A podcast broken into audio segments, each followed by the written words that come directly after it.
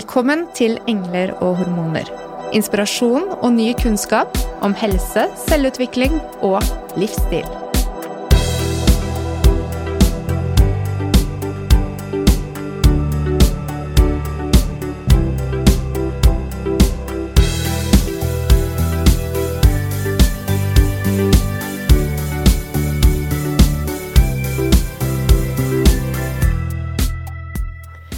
Ca. 10% av Norges kvinnelige befolkning vil oppleve kroniske smerter i bekkenet i løpet av livet. Å få forståelse for disse smertene det kan være en utfordring både for pasienten når de møter helsevesenet, og for helsevesenet i møte med de ofte sammensatte smertene.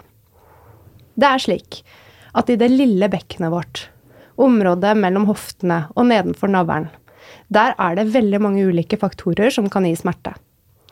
Muskler og ledd, nerver og sirkulasjon ligger tett i tett i et lite hulrom, og sammen med flere organer som har ulike medisinske spesialiteter. Så da er det ikke alltid så lett å finne ut hvorfor nettopp du har vondt. Og så er det slik at det er ikke alltid fagpersonene snakker sammen.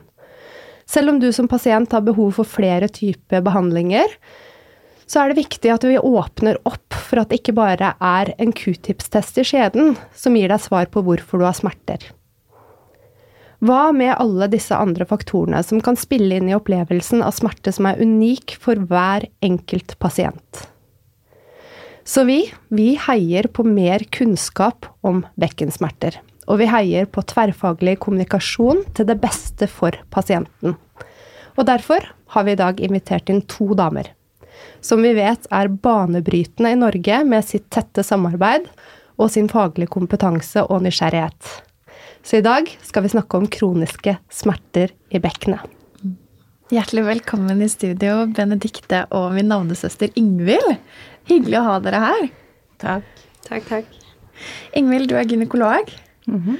Og Benedikte, du er osteopat og naprapat. Og sammen dere to og med flere andre så driver dere Embla helse i Fredrikstad. Vil dere fortelle litt om samarbeidet deres? Ja, altså Det startet jo for eh, to år siden, hvor vi var eh, en gjeng med fem damer som ønsket å starte tverrfaglig kvinnehelsesenter. Jeg har jobbet som gynekolog i mange år, siden 2004. Har egentlig lenge savnet et tverrfaglig samarbeid, spesielt når det gjelder den pasientgruppen som vi skal snakke om i dag. Det er mange som har eh, diffuse smerter både i mageregionen og i bekkenregionen, og jeg har sittet og lurt på hvor jeg skal henvise dem videre. Mm. Når de har trengt både fysioterapi og osteopati, og det har vært mange kollegaer som har sagt at smertene sitter i hodet, det er ikke noe vi kan gjøre. Mange blir jo operert unødvendig også. Mm. Så når sjansen bød seg, og jeg var litt klar for å lufte meg litt og gjøre litt andre ting enn å bare jobbe på sykehuset, så dukket både Benedicte og Kari og Marianne og Julie opp, og så startet vi Embla helse. Og Benedicte jeg fant jo fort ut at vi kunne få til noe sammen. Glødende engasjement. jeg holdt fast til Ingvild når jeg først fikk tak. Ingvild eh, har jo også gitt meg mange muligheter. Det har vært kjempespennende. For meg har det alltid vært en drøm å jobbe på og drive en klinikk som handler om uh, mor og barn og kvinner. Mm. Uh, så den drømmen har gått litt i oppfyllelse. Mm. Uh, og selvfølgelig masse takket være Ingvild også. Det er ikke så ofte at, at, vi har muligheten til å jobbe så tett med, med gynekologer spesielt, da. Mm. og da går mye av Eh, kommunikasjonen bort på veien. Så det blir mye mer utfordrende. Så jeg er kjempetakknemlig og syns det har vært en spennende reise hittil. Og gleder meg til å fortsette. Så har vi veldig forskjellig utgangspunkt i forhold til hvordan vi tilnærmer oss problemet også. Jeg er jo skolemedisiner og har lært det den veien, og ser jo at eh, vi kommer jo til kort, og vi har nødt til å samarbeide mye, mye mer enn det vi gjør i dag. Mm. Og akkurat det skal vi jo komme litt nærmere mm. inn på, men uh, temaet er kroniske bekkensmerter, vulvodyni. Og navnet kronisk er jo noe som mange ja, syns er ganske skummelt. Betyr det at jeg skal ha dette her resten av livet? Men det stemmer jo ikke ofte. Nei, også Definisjonen på kronisk er når man kanskje har hatt en akutt smerte i starten, øh, og det har passert tre måneder, så regnes det for å være kroniske smerter. Mm. Mm. Så det er bare viktig å ha det begrepet klart. Så vi snakker ikke om smerter som øh, nødvendigvis vil vare for alltid, men det er jo nettopp dette med bekkensmerter, da, og hva er det egentlig vi har å forholde oss til? Fordi eh, når man leser om uh, ulike typer bekkensmerter, så er det jo noen navn som hele tiden går igjen av type diagnoser. Og så er det ikke alltid like lett å vite hva er det de betyr, og hva er det jeg har, hva er det som er mitt problem. Mm. Kanskje dere kan hjelpe oss litt å oppklare noen forvirringer her rundt begrepene med bekkensmerter. Skal vi starte med vulvodyni, kanskje? Ja, Vulvodyni betyr jo egentlig smerter i vulva. Altså smerter i underlivet, smerter i bekken. Eh, dyni står jo for smerter, da. Mm. Eh, og det er jo for oss også blanding av begreper, egentlig. Eh, du har vulvodyni, og så har du vestibulitt, som da egentlig går på en inflammasjonstilstand i, i det området i underlivet som heter vestibulum, som er mellom de små kjønnsleppene og hymenalringen, som rund det er vanskelig å peke på radio, eller? det får plukke frem en anatomibok der hjemme. Ja. Uh, ja. Mm. Og så har man provosert vulvodyni. Ja. Og da forstår vi det som det handler om å smerte ved samleie. Mm. Mm. Uh, men uh, i tillegg så har vi noe som heter vestibulodyni. Ja. Og det er jo smerter i vestibulum. Ja. Så her har vi ulike deler av eh, selve bekkenet som blir da presisert som ett område der du har vondt. Mm. Hva er det man kan forvente når man da opplever smerte et sted i bekkenet, fordi at det kan være vanskelig å vite selv akkurat hva som er problemet? Hva er det man kan forvente seg når man kommer til en gynekolog når det gjelder undersøkelse? Det første gynekologen må gjøre, er jo å snakke med pasienten og få en oversikt over hvordan smerten utarter seg, i hvilke situasjoner de kommer, om det er noen situasjoner de er verre enn andre, om de er hele tiden. Om de er når du sover, når du tisser, når du har avføring, når du har sex. Sånne ting. Eh, og så må man jo også snakke litt om man har smerter andre steder i kroppen, om det er andre ting i tilværelsen som fremskynder smerte. Kanskje har de smerter i nakken, kanskje har de smerter i beina, kanskje har de generelt mye smerter og er generelt slitne, om det har blitt verre den siste tiden, sånne ting. Mm. Og så må jo gynekologen gjøre en undersøkelse da, og finne ut om det er noen andre årsaker til smerten. Om det er noe organisk, eller om det er en infeksjon. Mm. Sånne ting. Og da gjør man jo en generell gynekologisk undersøkelse. Tar tester, palperer, gjør ultralyd. Spør om syklus, annet. Om smerten er verre når man har mensen eller forventer mensen. For da kan dere mistenke at det er andre ting som ja. er utfordringer, mm. hvis det er mm. slike faktorer inne i mm. bildet? Det er viktig å utelukke de tingene først. Mm. Som man kanskje kan gjøre noe med. For der kommer man inn med medisinsk behandling ja. for ulike tilstander. Ja. Ja. Så alle i denne gruppen som har vondt i bekkenet, de anbefales egentlig da å gå til gynekolog først. Ja, jeg syns det er en fin måte å starte på. Mm. Mm. Og så hvis det da ikke er noen funn fra din side, hva skjer da? På Embla, da? Ja. så har jo jeg Jeg har jo egentlig aldri palpert så grundig bekkenet som jeg har gjort nå etter at jeg har blitt kjent med Benedicte. For hun har jo sånne følsomme fingre som klarer å kjenne både knuter og spenninger og alt som, som jeg ikke lærte på doktorskolen på samme måte. Så nå palperer jeg mye grundigere og finner mye mer nøye ut av hvor er smerten hen og har Benedicte ledig, og pasienten er motivert til en ordentlig undersøkelse, så hanker jeg henne inn. Putter på henne et par hansker, og så får hun kjenne sjøl. Mm. så har vi allerede da, der og da staket ut et opplegg. Da tror jeg vi må bli litt bedre kjent med Benedicte. For hva er din eh, bakgrunn siden du har så magiske hender? eh, jo, nei, som Ingvild nevnte, så jeg er naprapat i bunnen. Um, studerte det i Stockholm i fire år. Og så hadde det seg sånn at jeg slet mye med migrene. Eh, så gikk jeg til osteopat eh, under en naprapatstudiet og fikk veldig god hjelp. Så jeg ble veldig nysgjerrig på den behandlingsformen. Og det ene førte til det andre, og etter at jeg var ferdig å studere i Stockholm, så jobba jeg ett år og fortsatte videre med fem nye år deltid da, her i Oslo. Ja. Og det osteopatstudiet er jo Noe av det første vi møtte, var jo undersøkelse av bekkenbunnen og obtratorius, altså lyskemuskulatur og områder som jeg aldri hadde lært om å palpere før. Og i tillegg så er det generelt veldig mye fokus på ulike måter å altså palpere og berøre kroppen og trykke og kjenne for å få mest mulig informasjon um, i ulik grad, da. Uh, og det gjør at uh, følsomheten kanskje er blitt bedre, da. Så noe kan brukes til. Man blir god på det man gjør. Ja, ja det, altså. masse praktisering. Og jeg var ferdig naprapat i 2004, um, så, så, det er jo noen år siden. Mm. Og ferdig osteopat i 2005 begynte jeg, ja, så 2010. Men ja. uh, da var det barnefødsel, da. Uh, fire uker før eksamen. Og jeg bodde i Tyskland, så jeg skulle liksom bare pendle hjem til Norge, men det, det utsatte jeg. Uh, så da tok jeg eksamen året etter. det Man lærer litt å føde barn også i dette faget. Absolutt. ja. For de som ikke kjenner til osteopati, det er en sånn relativt begynner å bli kjent behandlingsform i Norge. Eh, kanskje ikke så eh, til stede alle steder i landet. Hvis man går til en osteopat, hva, det, mm, hva slags yrkesgruppe går man til da? Hva gjør man?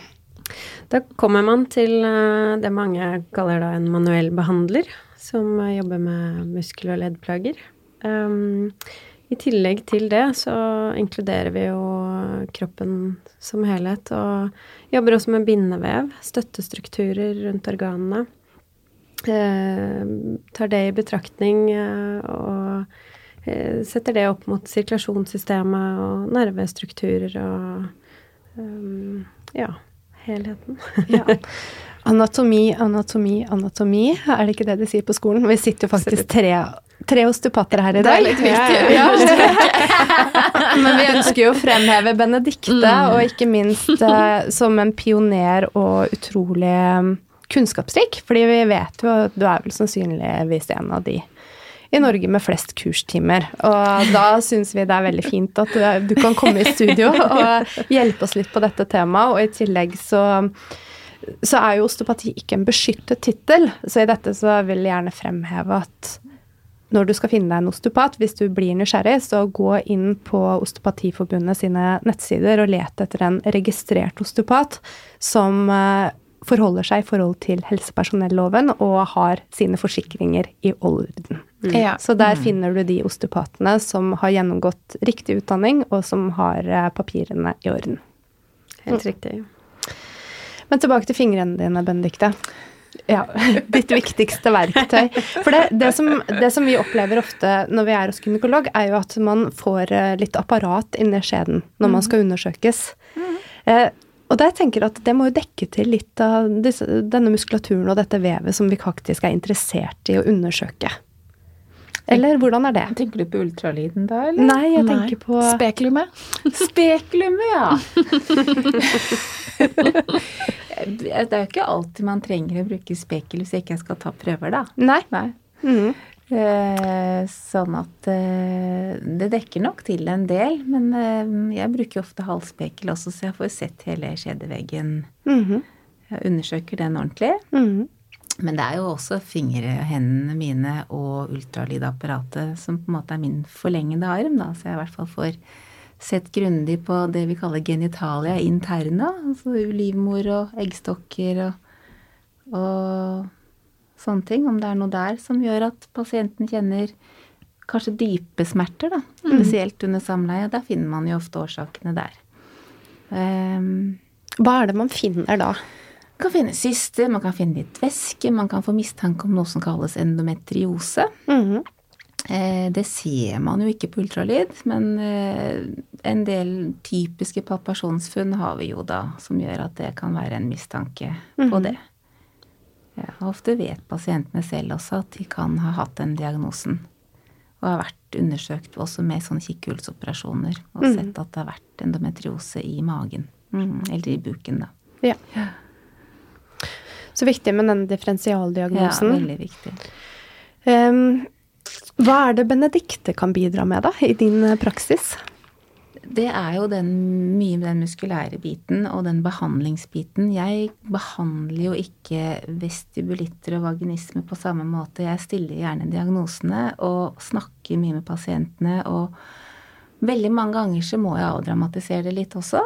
Det er eh, mange jenter som kommer og tror de er de eneste i hele verden som har sånne problemer, ikke sant, og er fryktelig lei seg. Spesielt yngre jenter som eh, ikke klarer å ha sex med kjærestene sine og er redd for at kjæresten skal gå fra dem. Det er ganske dramatisk eh, for mange, og det er mye press. De har venninner som forteller om god sex, og de sitter der og føler at de er helt mislykket, klarer ikke å sette inn en tampong engang. Og det går mye Kleenex altså hos Mm. meg. Mye gråte og tenners gnissel. Og så finner vi liksom gradvis ut av at ja, men dette her er det jo ganske mange som sliter med. Så jeg, jeg prøver på et vis å få satt det litt ned, da. At dette her er jo ikke noe rart at det er mye press, og det er, det er vanskelig. Det er aldri Det er ikke alltid godt første gangen, og, og man har ikke den seksuelle erfaringen, kanskje. Og så får man en dårlig opplevelse, og så blir det på, på en måte bare verre og verre. Og så samler det seg opp en del smerter da, i denne religionen, både pga. angst, pga. redsel, pga. følelse av utilstrekkelighet, usikkerhet, dårlig erfaring. Og så har man hele karusellen i gang. Og så er det jo ikke til å legge under en, legge under en stol at dette her er et tabubelagt tema. Veldig. Som veldig mange jenter vegrer seg for å prate om. Og noen jenter opplever det jo fra ja, fra man skal debutere seksuelt eller man får menstruasjon og skal sette inn en tampong. Mens andre har hatt perioder hvor det har gått helt fint å ha et eh, normalt seksual, seksuell, eh, seksualliv. Eh, og så kommer disse smertene etter hvert. Em, ja. Så det er liksom Det er så viktig at vi tar dette her fram og på alvor. Eh, foredrag heter, eh, heter jo 'vondt og ikke prioritert'. Så det er jo en lidelse som ikke har blitt prioritert i norsk helsevesen. Og som ikke har, vi nesten ikke har hørt om før de senere årene. Ehm, Så jeg har jo jobbet eh, lenge med ungdomshelse også i studietiden, og det var jo ikke mye snakk om den type problemer da, Mm. på 90-tallet. Det kom jo opp nå egentlig de siste ti årene, nesten, egentlig. Men eh, tilbake til spørsmålet hva Benedicte kan bidra med, da. Når jeg da har eh, fått det ned på et sånt at ja, jeg har kanskje noe som kan behandles, det kan være andre som har disse plagene, så, så kommer Benedicte inn og finner spenningsområdet, hjelper pasientene til å ja, Du kan jo fortelle selv hva du gjør, men hun får i hvert fall en løst på en del spenninger, da. Mm. Ehm, vi blir jo ofte enige om da, hvis vi undersøker sammen, eh, hvordan du opplever muskulaturen, at vi er enige om hvor eh, det er mest spenninger, og så kan vi kanskje gå inn på om det er noen traumer, om det har vært noen ulike skader i området, eller om det er mer da eh, etter betennelser, etter soppkurer eller um, problemer. Mm. Gjentatte runder med sopp. Um, og så um, kjenner jeg kanskje også litt mer myofasielt, da, altså på bindevevet. Um, mens du ser eh, lenger opp i skjeden eller eh, undersøker på en annen måte gynekologisk.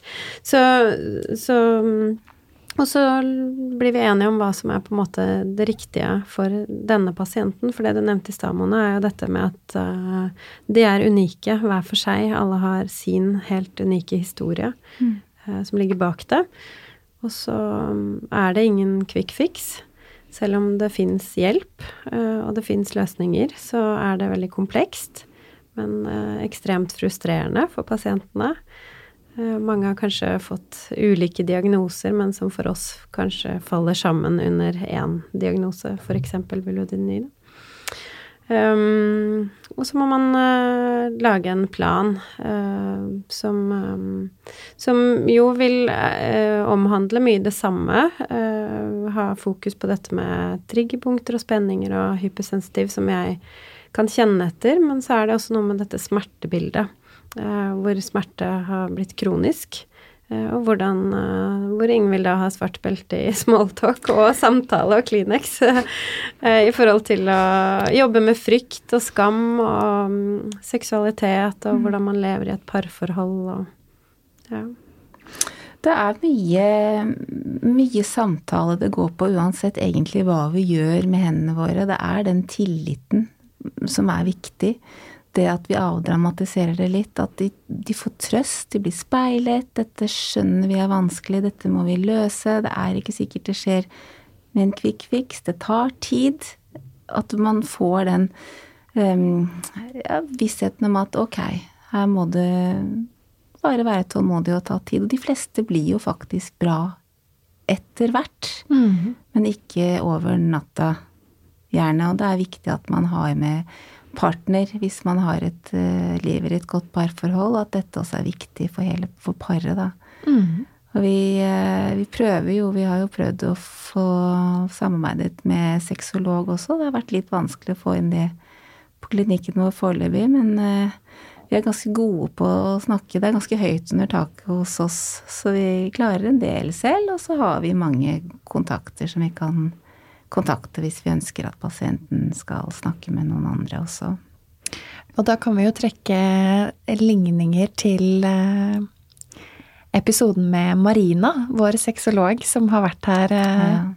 og snakket om intimitets- og sensitivitetstrening. At eh, det er ikke kun penetrering som ja, kan gi nytelse, da.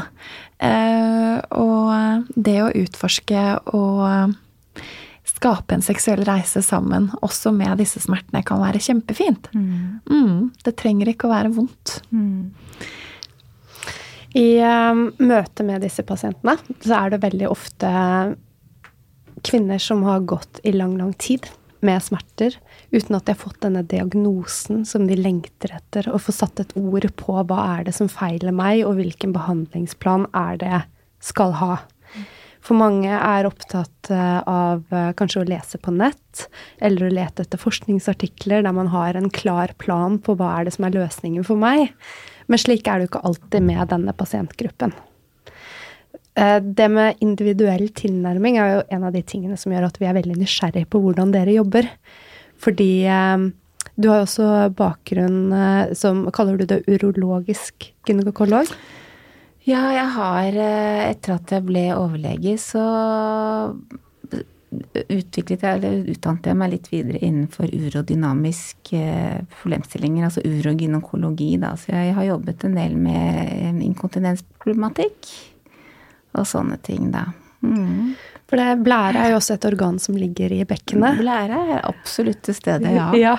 Så har det noen, eller du eller dere noen erfaring med problemstillinger rundt blære, som kan eh, også være med og bidra til smerte i bekkenet? Absolutt.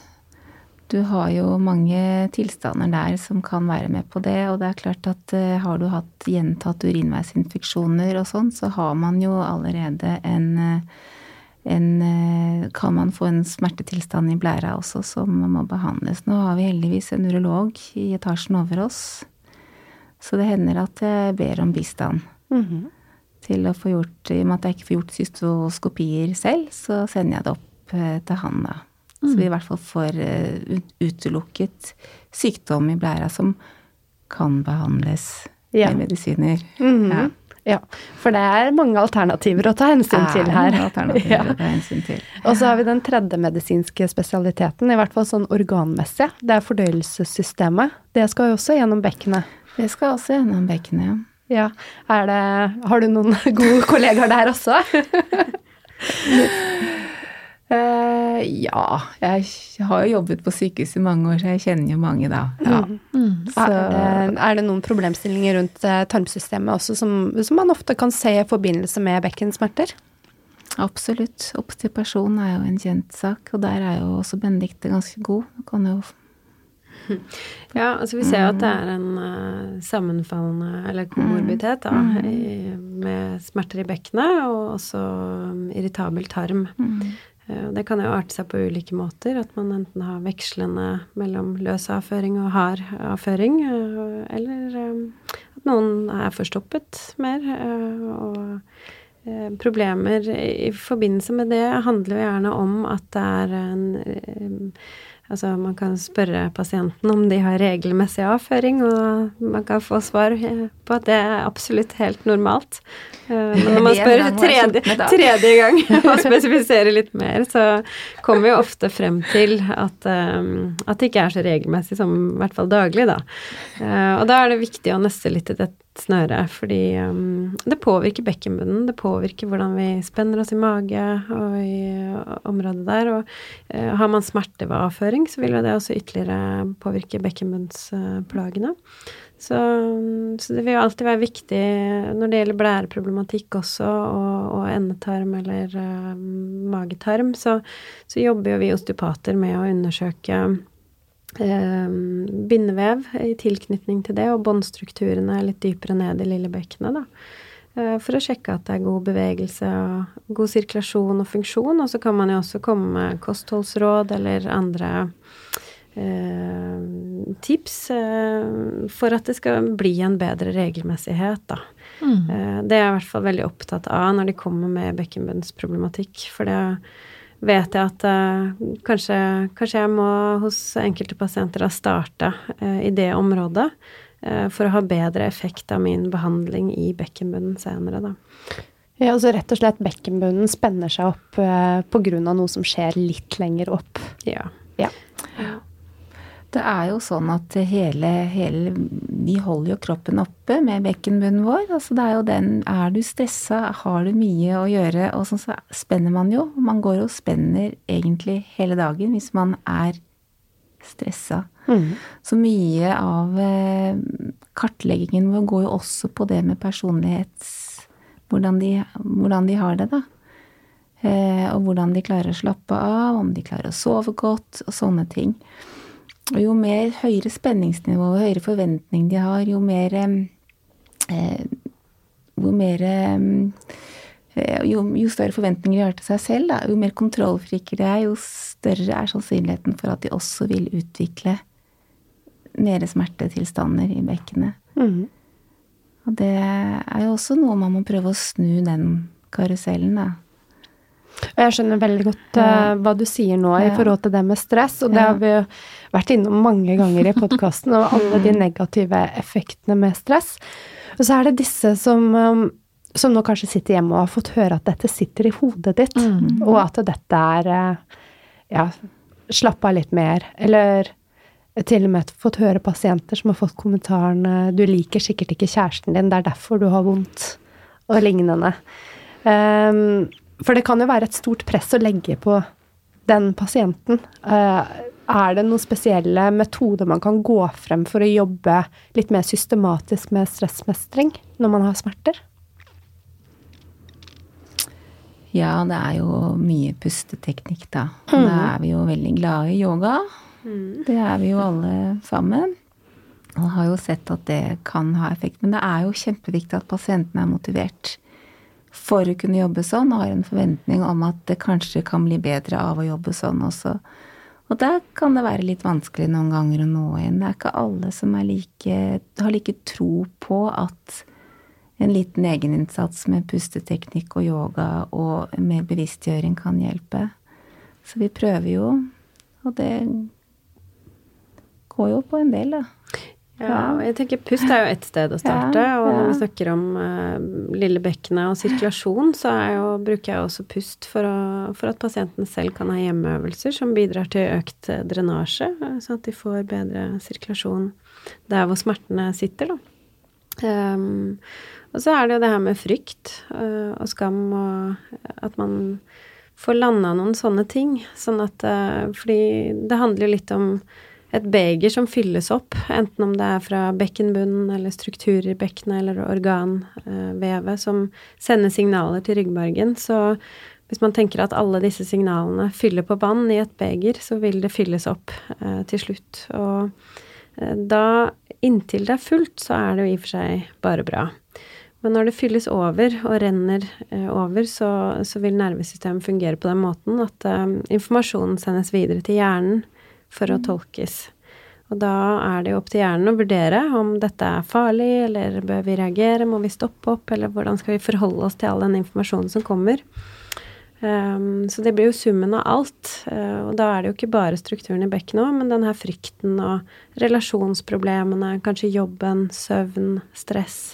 Um, som til slutt da gjør at det begeret koker over i tillegg, Eh, og blir stående og, og flyte lettere over, da. At man Eh, er utsatt for å få den hypersensitiviteten hvor eh, terskelen for å utløse ny smerte eh, senkes. Alt oppleves jo da som smertefullt, og ikke minst så forventer man også at det skal være smertefullt. Så du er i en ganske dårlig sirkel, og den må vi jo da prøve å snu. Mm. Det kan vi gjøre ved pust, eller så bruker vi jo også da ren bedøvelsesgelé, som er en av behandlingsprinsippene ved sånne smerter. Ja. Mm. Og det er noe som du foreskriver pasientene ja. dine å bruke ja. selv hjemme. Ja. Mm -hmm. Og i tillegg også avstå fra samleie, kanskje, i samme periode. Mm -hmm. Og da snakker man om en xylokaingel. Ja. Mm -hmm. Og som du sier, Benedicte, det å avstå fra sex, da. Ja. Og det er jo ikke alltid like enkelt. Men uh...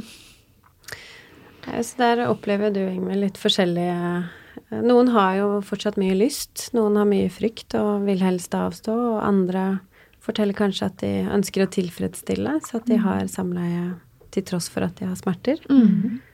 Uh, og da prøver jo å individualisere igjen, da. Mm. Så, men i all hovedsak så sier du vel at i oppstart av en sånn type behandling Så bør de holde seg unna. Det er jo det som er behandlingsstrategiene som også er lagt eh, fra Ulva-klinikken bl.a.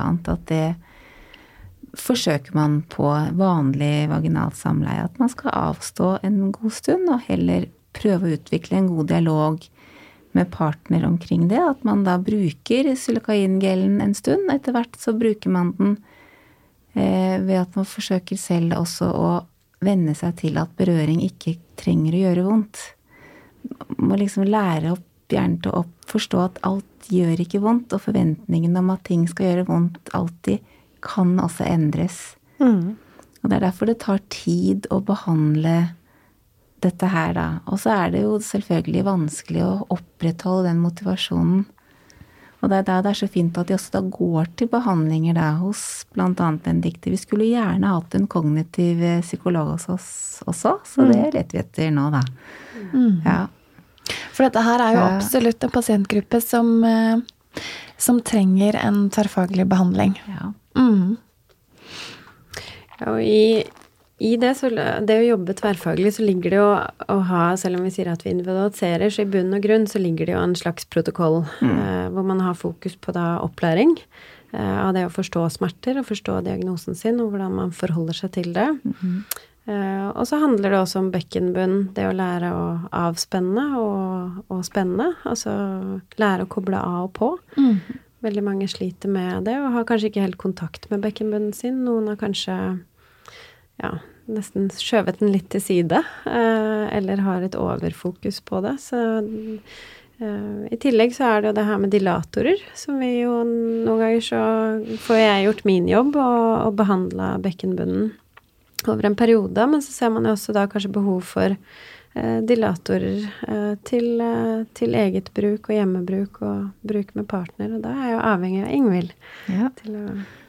Mm. Så da søker vi om dilatorer. Ja, for det er jo tilgjengelig via Hjelpemiddelsentralen i Norge, og da, da, er det du som søker om det. Ja. Mm. Ja, for når vi da snakket, snakker om denne hypertonisiteten, da, eller spenningen, økte spenningen i bekkenbunnen, så snakker vi vel egentlig om det som kalles for vaginisme. Mm. Det er jo et begrep som vi ikke har tatt inn i episoden ennå. Når vi snakket om vulvodyni og ulike former for det, og vestibulodyni, eller vestibulitt kalt på folkemunne, eh, og vaginisme.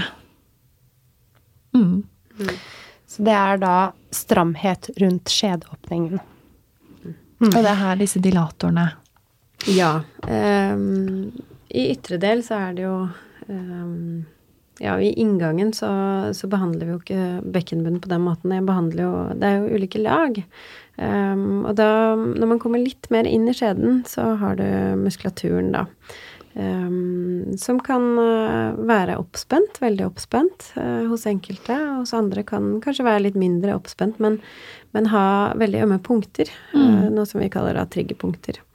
Uh, Og det kan jobbes med. Og så kan det være likt på begge sider. Det kan være ensidig. Det kan være i ett område på den venstre siden og et helt annet område på den andre siden. Så som osteopat så, så jobber jeg jo da vaginalt, eh, innvendig, men gjør også en god del behandling av bekkenbunnen utvendig. Så jeg starter ofte utvendig, for det er noe med den tryggheten også. Få en tillit og forståelse og eh, bli kjent litt med mine hender, da, før jeg begynner å eh, jobbe i de enda mer eh, intime delene. For det er noe med det at når man kommer til en gynekolog, så forventer man jo på en måte å bli undersøkt vaginalt, men det gjør man ikke nødvendigvis hos en manuell behandler. Så det, det skal skrives under på et samtykke som vi har i Osteopatforbundet. Og det skal være ryddig og ordentlig. Og pasienten skal informeres om eventuelle bivirkninger eller hva de kan oppleve i etterkant, og at de har lov å trekke seg fra behandlingen også. Fordi det, det er veldig tøft for de mange. Eh, De har gått med det lenge, og det er emosjonelt og mye som skal Man slipper på muskelspenninger, men man slipper også på veldig mye emosjonelle spenninger, så mm. Og det er jo så viktig det du sier der, Benedicte, å beskrive litt av disse ulike lagene og spesifisere at det er ulike sider på bekkenbunnen. For ofte så kan man jo tenke at bekkenbunnen er en muskel, eh, men setter man seg ned og ser på anatomien, så er det jo mange muskeldeler, og det er ikke nødvendigvis slik at eh, alt er vondt, eller at alt er vanskelig, men det kan være spesifikke punkter som skaper den enkelte smerten, da. Som, som ikke alltid man kommer til uten å undersøke vaginalt, fordi man rett og slett ikke kommer til. Absolutt. Eh, og så er det jo veldig viktig, uh, tenker jeg også, å prøve å nå de punktene og de områdene som, uh, som det er relevant å behandle. Eh, det man ser, er jo ofte at man kan reprodusere spesifikk smerte. Og da vet man jo at man er på et riktig spor, da.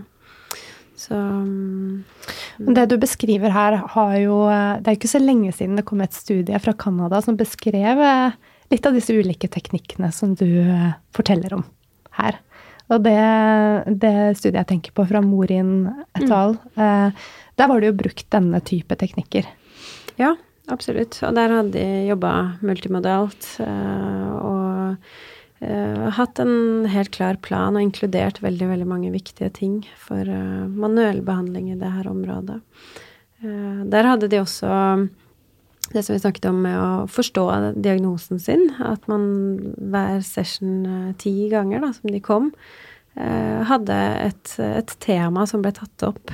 Eh, og en ting som jeg syntes var veldig flott, var annet at gang nummer tre så ble partner involvert og, og kunne komme til timen også. og få liksom mer kunnskap, da. Eh, Om hva det var, og hvordan smerten arter seg, eller ja. Og det har vi snakket litt om. Jeg syns jo disse mennene på mange måter også er veldig fantastiske. Eh, med dilatorsettene spes- spesielt, da, hvor vi oppfordrer til å bruke det selv, men også gjerne involvere partner. Fordi eh, seksuell helse handler jo om å være sammen, men ikke nødvendigvis et sam samleie, fullt samleie.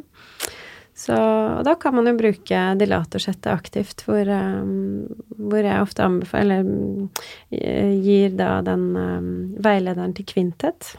Hvor de kan lese selv og, og sette seg inn i det, og hvor uh, mennene kan bidra med å tøye og jobbe med avspenning og stretching, da. Uh, Eller noen som liker da å bruke de alene og bli mer komfortable med dilatorene på egen hånd. Og dermed så vil jo også den desensitiveringen også være gjeldende, da. For det er jo ikke bare å tøye, det er jo også å oppleve at berøring ikke gjør vondt. Mm. Og at det ikke er farlig. At det ikke er at man blir farlig. Mm. Så kan vi gi en liste med generelle råd da, til eh, disse jentene som, eh, hvor dette gjelder? Få en helhetlig vurdering, først og fremst. Ja, først og fremst få en helhetlig vurdering, og, og prøve å se litt eh, jeg, jeg, tror det er lurt hvis man tenker at oi, nå begynner jeg, jeg har aldri hatt vondt under samleie før, hva, hva er dette her? Gå litt tilbake og kjenne etter når var det det startet? Var det noe som skjedde i forkant? Har man vært i en periode med veldig mye stress, mye krav? Kan man ha skadet seg? Har det vært soppkurer, andre ting som kan ha trigget det? Mm. Så sånn at du har litt formening om hva, hva, som kan ha gjort det, så oppsøk gjerne gynekologen din. Eller noen fastleger også er jo flinke, da, mm. til å vurdere det. Og så begynne der. Mm. Ja. Som det altså er noen kjente infeksjoner eller tilbakevendende infeksjoner, som du sier? Ja, vi ser jo det at gjentatte uh, soppbehandlinger uten en klar indikasjon kan være med på å trigge eh, en del svie og kløe og ubehag, og så blir det liksom verre og verre, og så baller det seg på. Mm. Og det er jo litt dumt å behandle ting man ikke har. Og så er vi jo også overenslige, da. Mm. ja, og det hørte noen si jo det at eh, vestibulittene begynte med stringtrusene, som vi har snakket om. Det tror jeg, tror ikke det handler om stringtruser, altså. Jeg tror det handler om mye overenslighet, mye eh, behandling av soppinfeksjoner eller andre infeksjoner som ikke er infeksjoner. Mm. Um, Antibiotikakurer ved urinveisinfeksjoner, f.eks. Og så er det klart at eh, det er jo veldig moderne å ikke ha noe kjønnshår nå, da. At man er jo helt glatt. Og det er jo Det blir jo litt tett i, i undertøyet da, og det kan fort bli ubehag av det også. Så det er egentlig fra naturens side litt sunt at vi har litt, litt hår. Litt behåring. Litt behåring er fint. Ja. Litt behåring er fint, og ja. det å opprettholde en god pH-balanse i underlivet. Det opprettholder både lufting og pH-balanse, så det er fint. Mm. Hva med eh, hormonpreparater, sånn type p-piller? Jeg har hørt noen linke eh, hormonpreparater til utvikling av smerte i bekkenbunnen. Har vi noen bakgrunn for å snakke om det? Det går vel mer på erfaring. Det er ikke gjort noen ordentlige studier eh, på det. Noen sier at de ble bedre av bekkensmertene sine når de fjernet spiralen, mm. Eh, blant annet. Og det er, det er, en opplevelse de har, og da må man bare ta det til etterretning. Men jeg har ikke noe sånn fast noe erfaring med at det blir verre av det, altså. Og ikke p-piller heller? Nei, Nei. egentlig ikke. Eh, men eh, vevet i området, det er jo ikke bare muskler og organer vi snakker om her. Det er jo også vev rundt eh, åpning av skjedet og i skjedet som kan bli mm. påvirket av ulike sykdommer. Mm. Jeg tenker på psoriasis og lichen. Er mm. det hvor, hvor stor andel er det som kommer med hudlidelser i bunn? Altså, de fleste er jo i fertil alder, da, de kvinnene som kommer. Og de har jo mindre utvikling av lichen enn de som er over overgangsalder, sånn mm -hmm. generelt sett.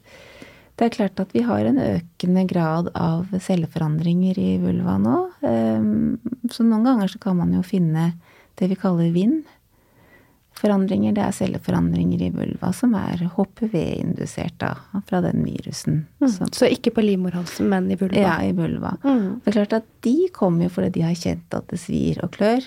Og da, er det jo, da ser jeg jo på dem og tar vevsprøver og behandler det. Mm. Det samme er det med lichen. Mm. Ja. Men det er ikke så mange av dem, og det er jo en tilstand som vi kan Da, da har vi jo et svar, ja. på et vis. Mm. Ja. Mm. Så desto viktigere å bli undersøkt. Veldig viktig å bli undersøkt. Mm. Er det noen eh, viktige forholdsregler å ta når det gjelder eh, sanitære råd rundt menstruasjon, eller dersom man opplever lekkasje? Altså er det, er det sånn man bør unngå vanlig bind eller truseinnlegg. Kanskje man bør bruke Tena f.eks., for eksempel, fordi det kan være med på å skape en mindre irritasjon. Hvis man opplever ja. Jeg tenker på at det blir tett, at mm. man lettere får kløe og svie av det. Mm. det må man nesten prøve seg fram på. Vi er veldig forskjellige på det. Men det er klart at eh, når man er plaget med kløe og svie nedentil, så anbefaler jeg alltid at, at man vasker seg med vann eller med oljer. Ja. Unngår såpe. Mm. Vanlig type babyolje, Det eller hva? går fint an. Mm. Ja, kjempefint. Eh, til enkelte så anbefaler jeg også økologiske bind, faktisk. Eh, Ja. Hvor det, mange opplever at det blir mindre lukt eh, enn de syntetiske bindene eller de alternativene som er, da. Mm. Det er kanskje litt vanskeligere å finne, men, eh, men vi har jo nettet, så det fungerer også veldig bra. Mm. Mm, det fins, og det er bra produkter. Det tror jeg kanskje vi skal få en liten link av deg, Benedikte, som vi kan legge med i, ved siden av eh, denne episoden. For jeg tenker altså, man er jo veldig informasjonshungrig når man er uh, i denne pasientgruppen, og det er jo noe som påvirker hele livskvaliteten.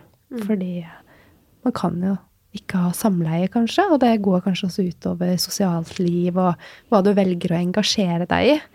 Den psykiske biten av dette er jo ganske altomfattende for mange pasienter. Det kan ta over omtrent alt. Det er det tilværelsen kan dreie seg om. Alle andre mm, ting blir borte. Jeg har, jeg har pasienter som sier at det, er, det, det påvirker alt. Jeg tenker på det hele tiden. Det blir nesten sånn tvangstrøye, slitsomt. Og det er klart at da trenger man i hvert fall noen å snakke med. og og avdramatisering er ganske viktig, faktisk. Det er andre ting i livet, og det kommer til å gå bra etter hvert. Og da er vi jo litt tilbake til det begeret igjen. Ja, det er det Eh, begeret. Så i møte med pasientene så bruker jeg enten begeret eller at man henger det på knagger, eller altså prøver å finne ut hvilke ting er det som er stressorer um, av andre ting da, enn selve smerten eller det lokale, men uh, relasjonen og eh, jobb og bekymringer generelt, da, som de fleste av oss har litt av. Og da, hvis man kan sortere det litt, så kan man se er det noen jeg kan gjøre noe med, eller er det noen jeg kan liksom uh, dempe litt, eller fjerne, eller rydde opp i. Uh, og da vil jo det begeret bli litt mindre fullt, og uh, man kan kanskje bidra til å dempe smerte, den onde sirkelen med smerte, da. Mm. Og også finne områder i livet man kan være litt mindre perfeksjonist også. Ja. Er det en typisk ting du sier hos Jeg disse ser ofte pasientene? at de er- ønsker jo å være mestrende på alle arenaer. Det gjør vi jo stort sett alle. Mhm. Eh, og det er klart at når man da ikke føler seg mestrende i parforholdet, og ikke føler at man mestrer seksuallivet, som jo er en viktig del av et parforhold, så, så ja, da føler man seg mislykket, da. Det er jo en stor del av livet. Ja. Virkelig. Likevel så fra vår klinikk så opplever jeg at mange av disse pasientene har veldig forståelsesfulle partnere. Er Ja, Ja, de har det. ja. Så det er mange, mange søte, forståelsesfulle menn der ute rundt denne pasientgruppen, og det, det syns jeg er veldig fint. Ja, og jeg er kjempeimponert. Noen kommer jo med til timene, og de er åpne, og de stiller spørsmål, og veldig flotte. Eh, Og vi har snakket litt om det. At noen, noen er jo redd for at de liksom skal miste partner, eller Men det er jo også en god på en måte Skal man se noe positivt ved det, så åpner det for veldig mye kommunikasjon. Og hvis man kan etablere kommunikasjon tidlig i en relasjon, så er jo det også noe man kan ta med seg senere i livet og ha veldig, veldig god nytte av. Så, så hvis man da orker å holde ut den behandlingsprosessen eh, og gjøre den jobben eh, eh, med, med psykologer eller gynekologer eller helsepersonell ved siden av, og også egeninnsats, da, så, så kommer man styrka ut av det, tror jeg, i hvert fall relasjonsmessig. Veldig viktig å ta med seg. Og med den erfaringen som dere har gjort dere nå, gjennom samarbeidet deres, har dere noe mer dere har lyst til å legge til rundt denne problemstillingen, kroniske smerter i bekkenet? Det er jo en, en tilstand vi aldri blir utlært på. Det er jo også en ganske ny diagnose, eh, som ikke det har vært så mye forsket på, og har egentlig ikke så mange behandlingsmuligheter foreløpig. Eh, Vi har Vulvaklinikken i Oslo. Det er mye, mye vi ikke vet, og mye vi ikke helt forstår. Mm. Så, så vi vil egentlig bare tilføye at vi vi lærer. Så lenge vi holder på. Vi lærer underveis. Ja, det er alltid en læringsprosess å jobbe med pasienter. Og, og mye kan vi jo lese oss til. Eh, Veldig, veldig, veldig mye lærer vi også av pasientene. Eh, Og til pasientene, så, eller kvinnene da, dette gjelder, så, så vil jeg også gjerne si at eh, ha også litt tålmodighet med oss. Mm. Fordi det er et puslespill som skal pusles. Altså det er, vi undersøker, og vi gjør en grundig samtale og en grundig eh, undersøkelse og behandling. Og i behandlingsprosessen så, så legger man jo opp én plan.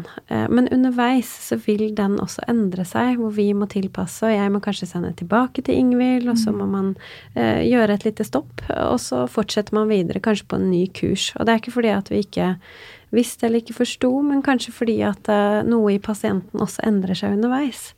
Så, så det er en prosess, og ikke prøv da å, å ha tålmodighet og, og stå i det. Eh, og prøv å finne motivasjonen din, så at du kan drives fremover hele veien, da. Så mm. Men det er jo en av de nøkkelpunktene du nevner der, Benedicte, med åpenhet også for å endre kurs. Som kanskje er vel så viktig, eh, fordi et behandlingsopplegg skal jo alltid være eh, åpen for å endres når man ikke får den responsen som man forventer. Men eh, responsen er også noe som kan la vente på seg når man er grundig undersøkt og man har en klar plan. plan så kommunikasjon er viktig.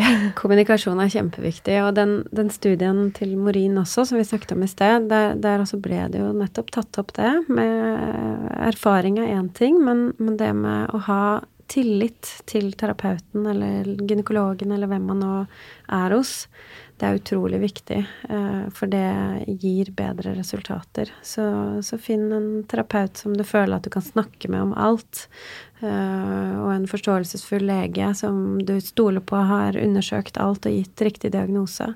Så, så er det en veldig, veldig god start. Mm. Hvordan kan vi kontakte dere hvis noen sitter og har flere spørsmål, eller gjerne har lyst til å snakke litt med dere rundt kroniske bekkensmerter? Jo, vi fins jo på Embla helse, da. .no. emblahelse.no på nett. eh, Der eh, ligger det mail eh, både til Ingvild og til meg. Og vi kan, det er også bare å ringe hvis man har spørsmål eller andre ting. Men Og så er dere på Instagram med, også under Embla helse. Og vi kommer nok til å legge ut noen spørsmål i løpet av denne uken som eh, vi ber om å få litt tilbakemelding på hvis det er noen som trenger hjelp. Så finn oss på sosiale medier under Embla helse og at engleroghormoner.no. Tusen hjertelig takk for at eh, du, Ingvild, og Benedikte ville ta turen innom studio i dag. Det setter vi stor pris på. og Dette her er jo absolutt et tema vi kan snakke veldig mye om. Eh, Men dette er en fin eh, introduksjonsepisode til temaet, og vi trenger mer forskning. Og vi trenger mer fokus eh, i fagmiljøene. Og kvinnene der ute som sliter med dette, oppsøk hjelp fordi det nytter. Takk for i dag. takk for at vi fikk komme.